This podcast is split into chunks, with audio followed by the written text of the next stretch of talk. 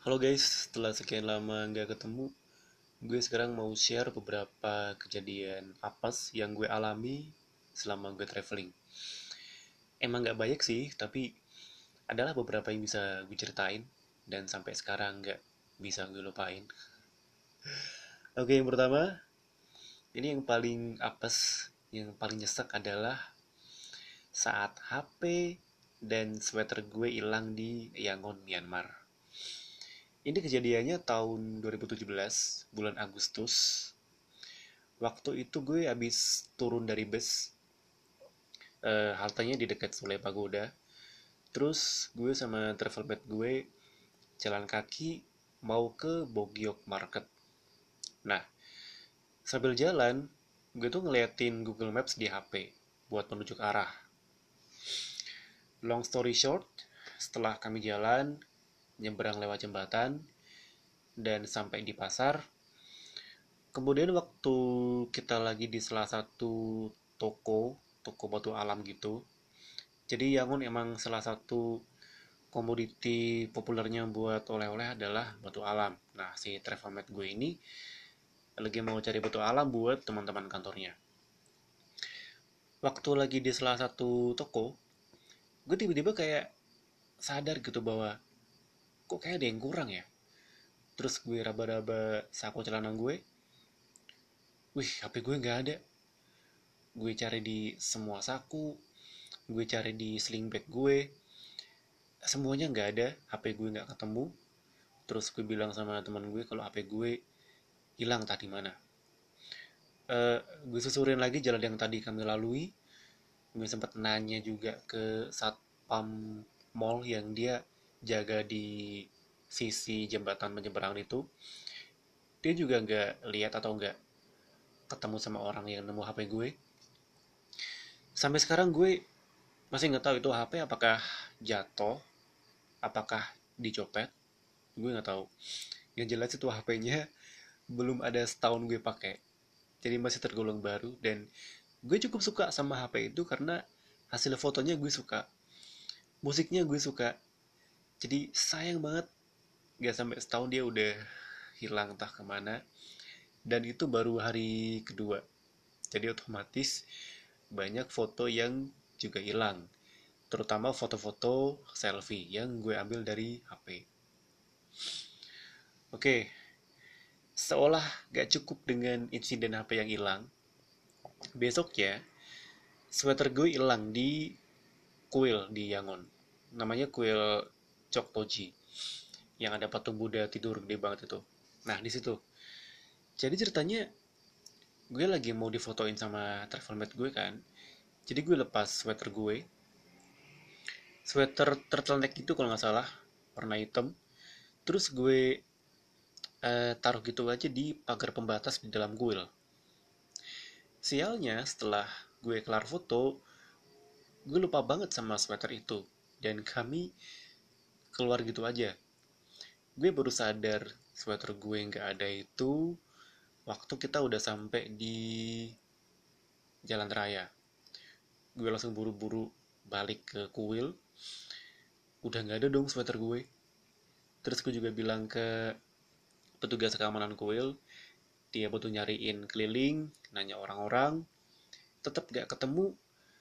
Ya udah gue ikhlasin aja itu padahal sweaternya juga sweater baru. Dan pertama kali gue pakai buat jalan di situ. Nyesek banget gak lo? Dan gara-gara sweater yang hilang ini gue jadi terpaksa harus meringkuk kedinginan malamnya saat gue transit di Klia. Karena gue nggak bawa jaket cadangan. Sejak saat itu gue selalu berusaha buat bawa entah dua jaket atau satu baju cadangan yang anget. Di negara mana pun termasuk yang negara tropis sekalipun. Karena ya itu kita nggak akan tahu apa yang bakal kita alamin. Entah jaket yang hilang atau siapa tahu kedinginan di dalam kereta MRT kita nggak tahu atau kehujanan. Pokoknya ya buat kalian sebisa mungkin ke mana pun traveling bawa dua jaket bawa macam-macam alas sepatu.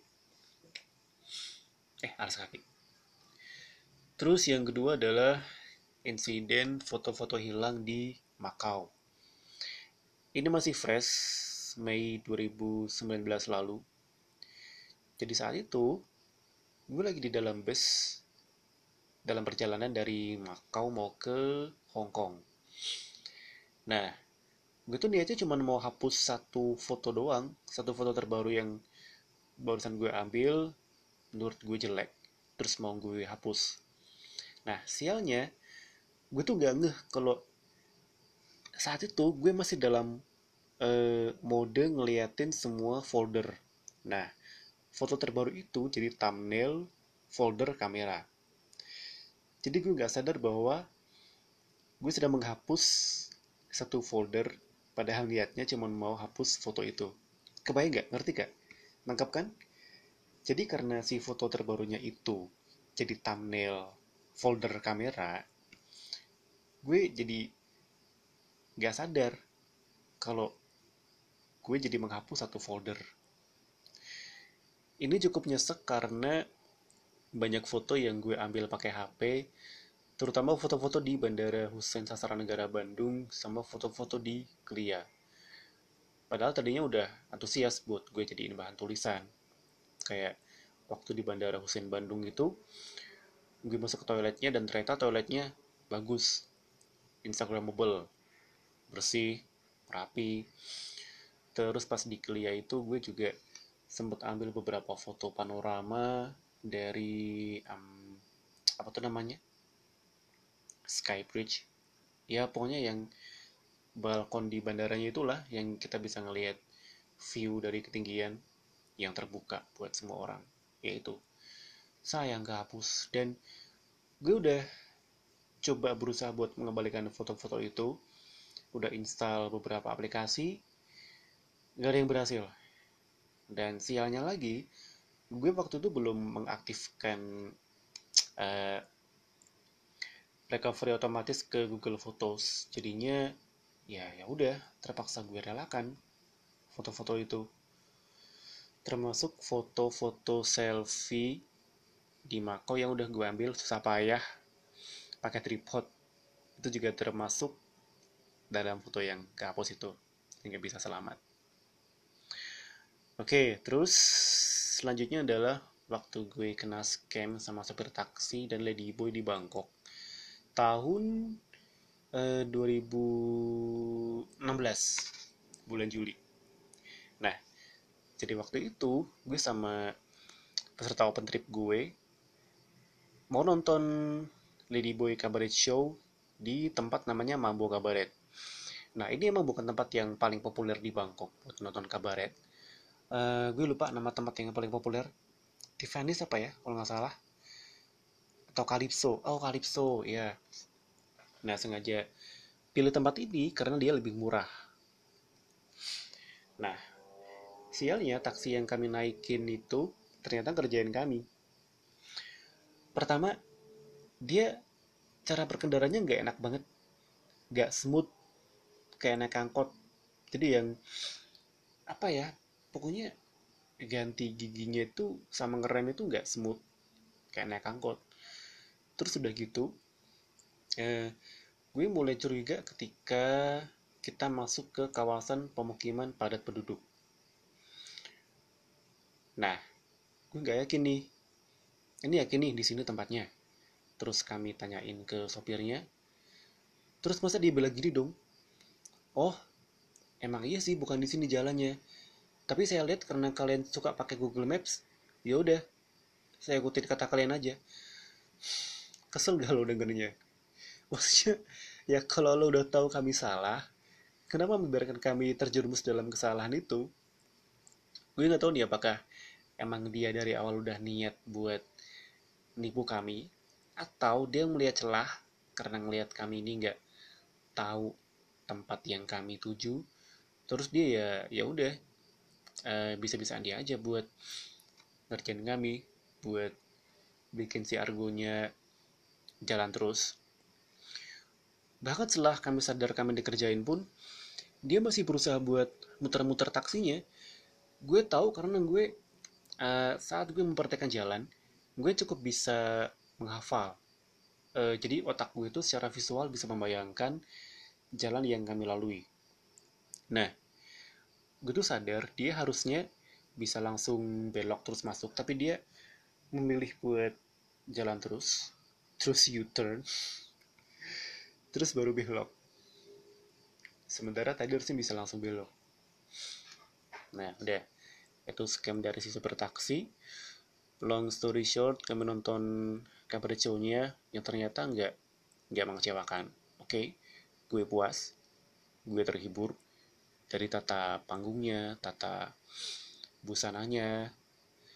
Uh, terus ketika udah kelar pertunjukannya jadi para ladyboy sama pemerannya itu berdiri berjajar di depan pintu keluar.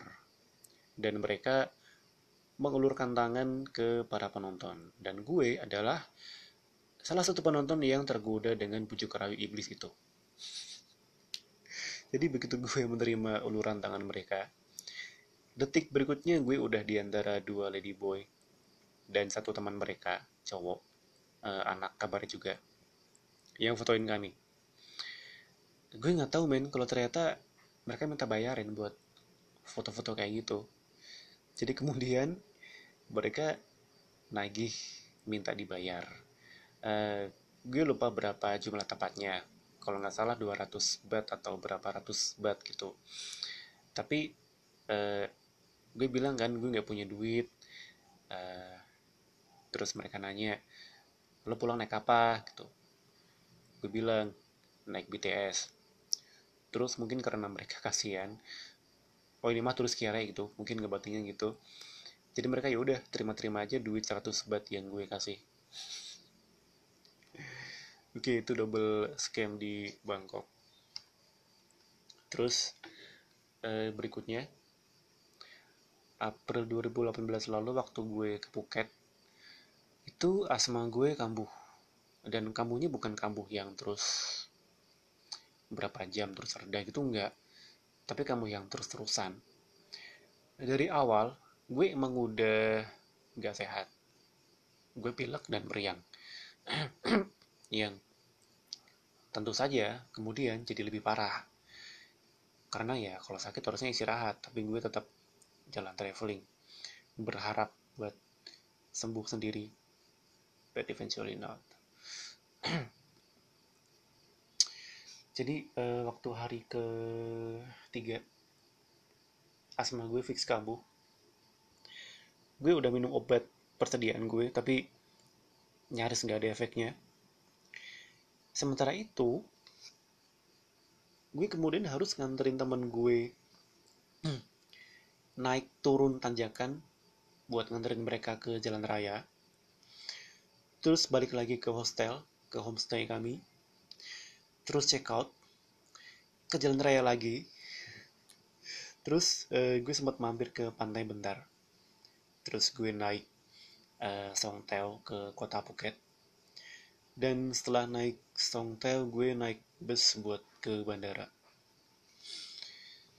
Bisa dibayangin gimana dalam kondisi nafas yang sesak gue harus jalan kaki naik turun tanjakan jadi buat kalian yang mau tahu, ketika asma kambuh itu, ketika asma sesak,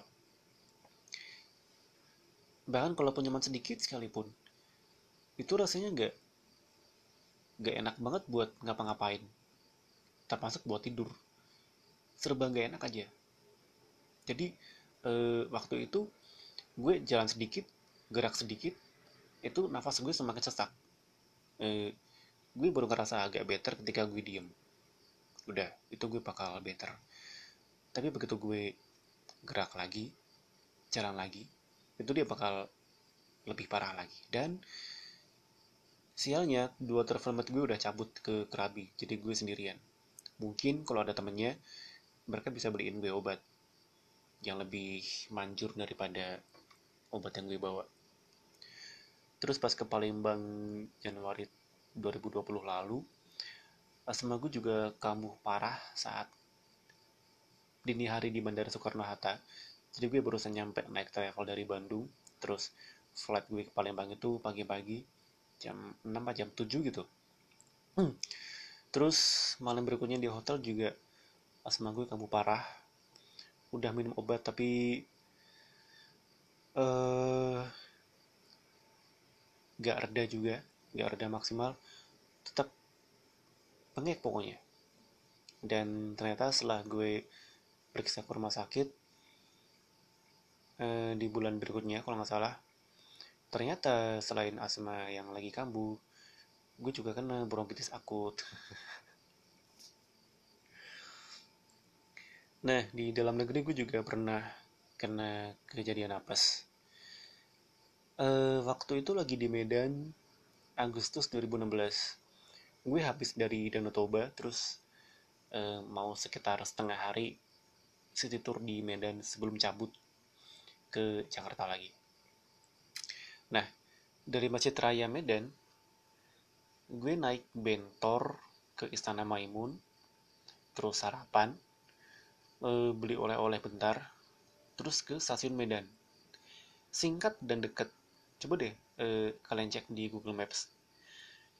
Salahnya gue adalah gue nggak didilan harga dulu dari awal.